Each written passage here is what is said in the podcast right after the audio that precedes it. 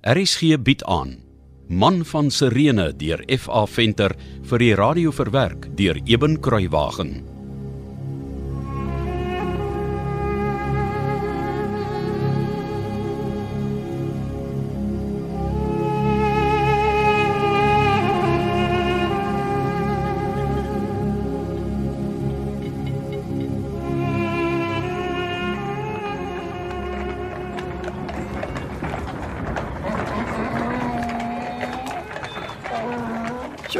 Maar die stad is woelig so vroeg in die môre, hè Simon?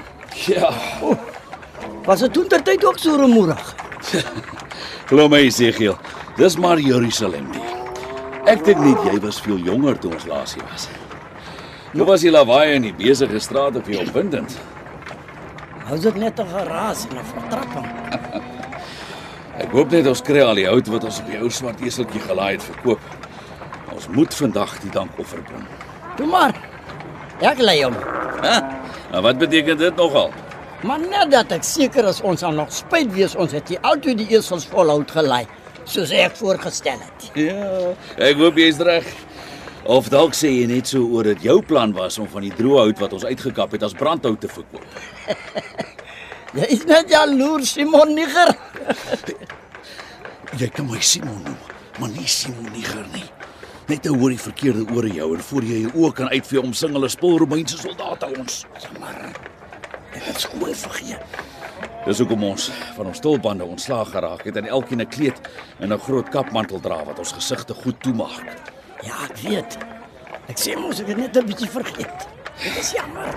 Ons reg Esegiel. Ek het nog maar net geskrik. Ons lyk vanoggend soos twee skelms. Ja, seker. Maar is beter so. Ons kan nie versigtig genoeg wees nie. Jy weet mos, Rome vergeet nooit. Ja, die vervloekte ou lot. Simon, waarheen dink jy moet ons gaan waar mense hout sal wil koop? Ag, hier's baie pelgrims vir die Pasga. En in die stad het hulle altyd brandhout nodig. Ja, dis waar. Toe jy nou die dag hier was, waar het jy geloop? Was daar toe mense wat hout sou wil koop? Nee, ek was maar versigtig. Toe het ek meestal in die agterstrate gehou. Daar's minder mense. Mm. En baie minder soldate. Dis veiliger, ja. Wag. Ek stop net hier op die hoekie Sigie.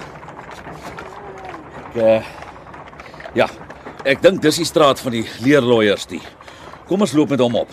My kop sê vir my hier behoort 'n groot aanvraag vir brandhout te wees. Kyk net hoe maak almal reg vir die nuwe dag se werk. Trek jy versperrings voor hulle winkels weg of rol versperrings op? Uh, Daardie twee dra stil velle in na die kuipe in die agterplaas. Hm, Hulle lyk bedrywig. Kyk net al die gelooide velle wat al klaar reg lê om in riempies gesny te word. Ja, nee, Simon.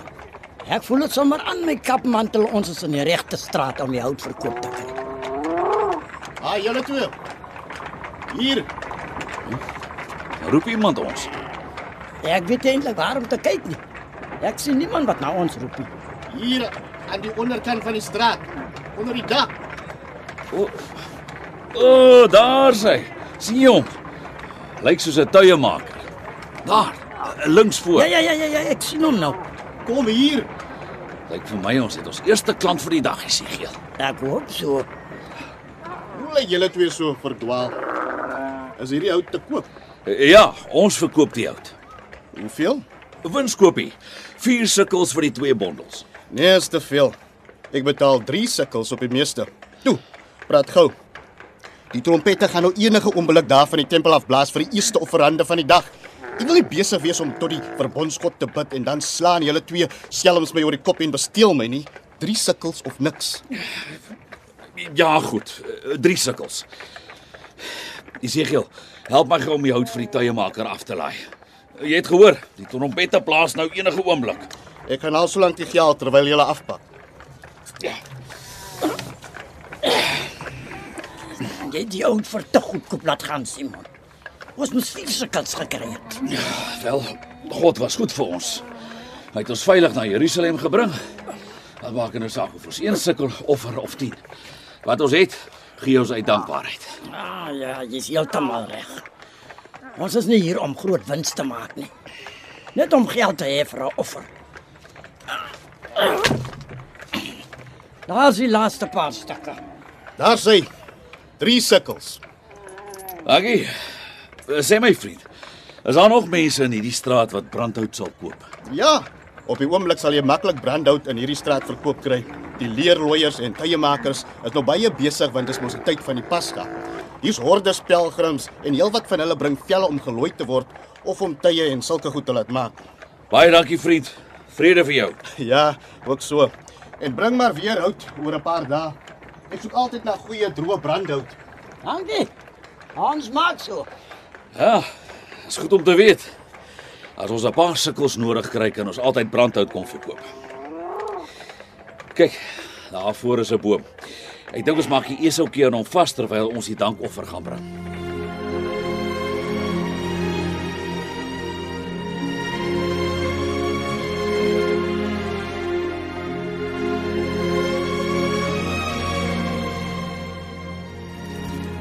Ja, wel is reg. Ek is daarom baie dankbaar vir wat ons kon doen. Glo my, ek ook. Dit voel of daar 'n groot gewig van my skouers af is. Wat se samedromming is daar aan die kant aan die gang dink jy? Ek weet nie. Dit lyk my iemand is besig om baie ernstig met die groep mense te praat. Kom ons gaan hoor wat sê hy. En dit is wat ons as Jode nooit mag vergeet nie. Nooit nie. Lyk my die kleinerige mannetjie wat so woes met die armes bedye is 'n jong fariseer of iets. Ja. Maar hy's vurig, né? Het God nie deur Moses die wet gemaak nadat hy Israel uit Egipte gelei het nie?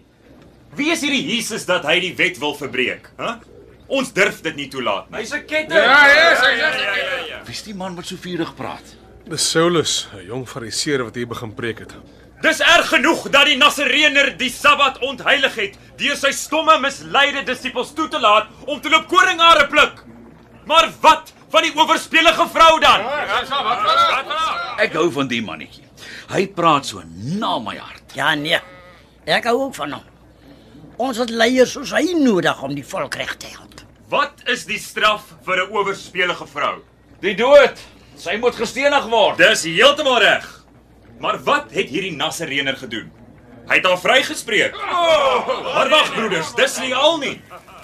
Die Nasareëner het haar vrygespreek. Solank sy net in hom glo. Met ander woorde, sy kan maar die wet oortree. Sy moet net in hom glo. Hierdie man van Nasaret maak 'n bespotting van die heilige wet van die almagtige God van Israel. Dis nie al nie. Hy gaan om met malaatses en tollenaars. Hy's 'n verraaier en 'n ondersteuner van Rome. Dis heeltemal reg, my vriend. Maar wat is die heel ergste? Hy sweep die volk op. Hy gee voor hy is die koning van die Jode. En ons weet tog almal, daar is net een koning van Israel. En dit is die almagtige, die alleen lewende God van Israel. Hoe dink julle? Ja ja ja, nee nee nee nee. Hoe dink julle? Wat gaan Rome maak as hulle dit hoor? Hm? Wil ons weer bloed en vlamme oor Israel hê? Nee! Laat Pilatus hom kruisig. Broeders, broeders. Het julle gehoor wat in Sirene in die noorde van Afrika gebeur het? Nee, vertel ons. Esegiel, dis 'n lelike ding die. Kyk net hoe ver dit nuus versprei. Dink jy ons moet maar stilletjies wegloop? Ja, ek dink so. Maar nie nou dadelik nie. En ook nie ons albei gelyk nie. Eers sal ek wegsluip en dan jy na rukkie. In Sirene het amper 2000 onskuldiges gesterf. Jode en Grieke. Ja, Rome het op groot skaal mense gekruisig net omdat een Jood teen die ryk opgestaan het. Een Jood, broeders. En dit het soveel bloedvergieting tot gevolg gehad. Esegiel, 2000 mense is dood in Sirene en dit deur my. Wat dink jy maak hier Romeinse soldate daar voor die tempel? Huh? Dis net rooi pluime wat jy kyk. Dink jy die verkeerde ore het my gehoor toe ek jou Simon Niger genoem het? Ek weet nie. Trek jou kapmantel verder oor jou gesig en begin pad gee. Dit raak nou te gevaarlik hier. Ons durf nie toelaat dat die Nasareëner van Jerusalem 'n tweede Sirene maak nie. Ons wil nie weer bloedvergieting hê nie. Nee, ons wil nie. Maar hy sal na die Pasga kom. Ja, en dan sal ons hom vasvat. Wel, Ten minste voel die meeste mense hier in Jerusalem nes ons oor die timmerman van Nasaret. Paulus is die slimste man van al die fariseërs. Hy is die grootste van al die geleerdes.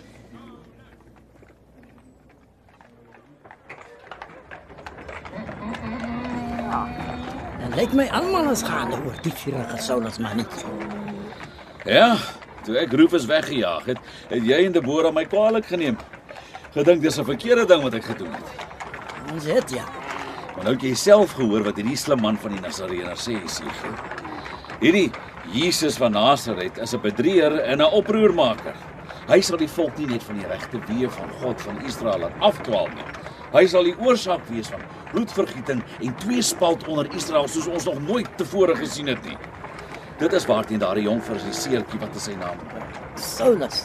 Ja, dis waarteen hy ons daar in die tempel gewaarsku het. Ja, Simon. Dit is so.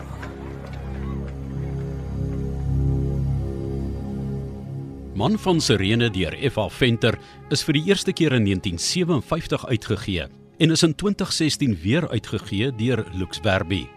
Die produksie is tegnies hanteer deur Cassie Lauis en die verhaal word vir RSG verwerk deur Eben Kruiwagen onder spelleiding van Joni Combrink.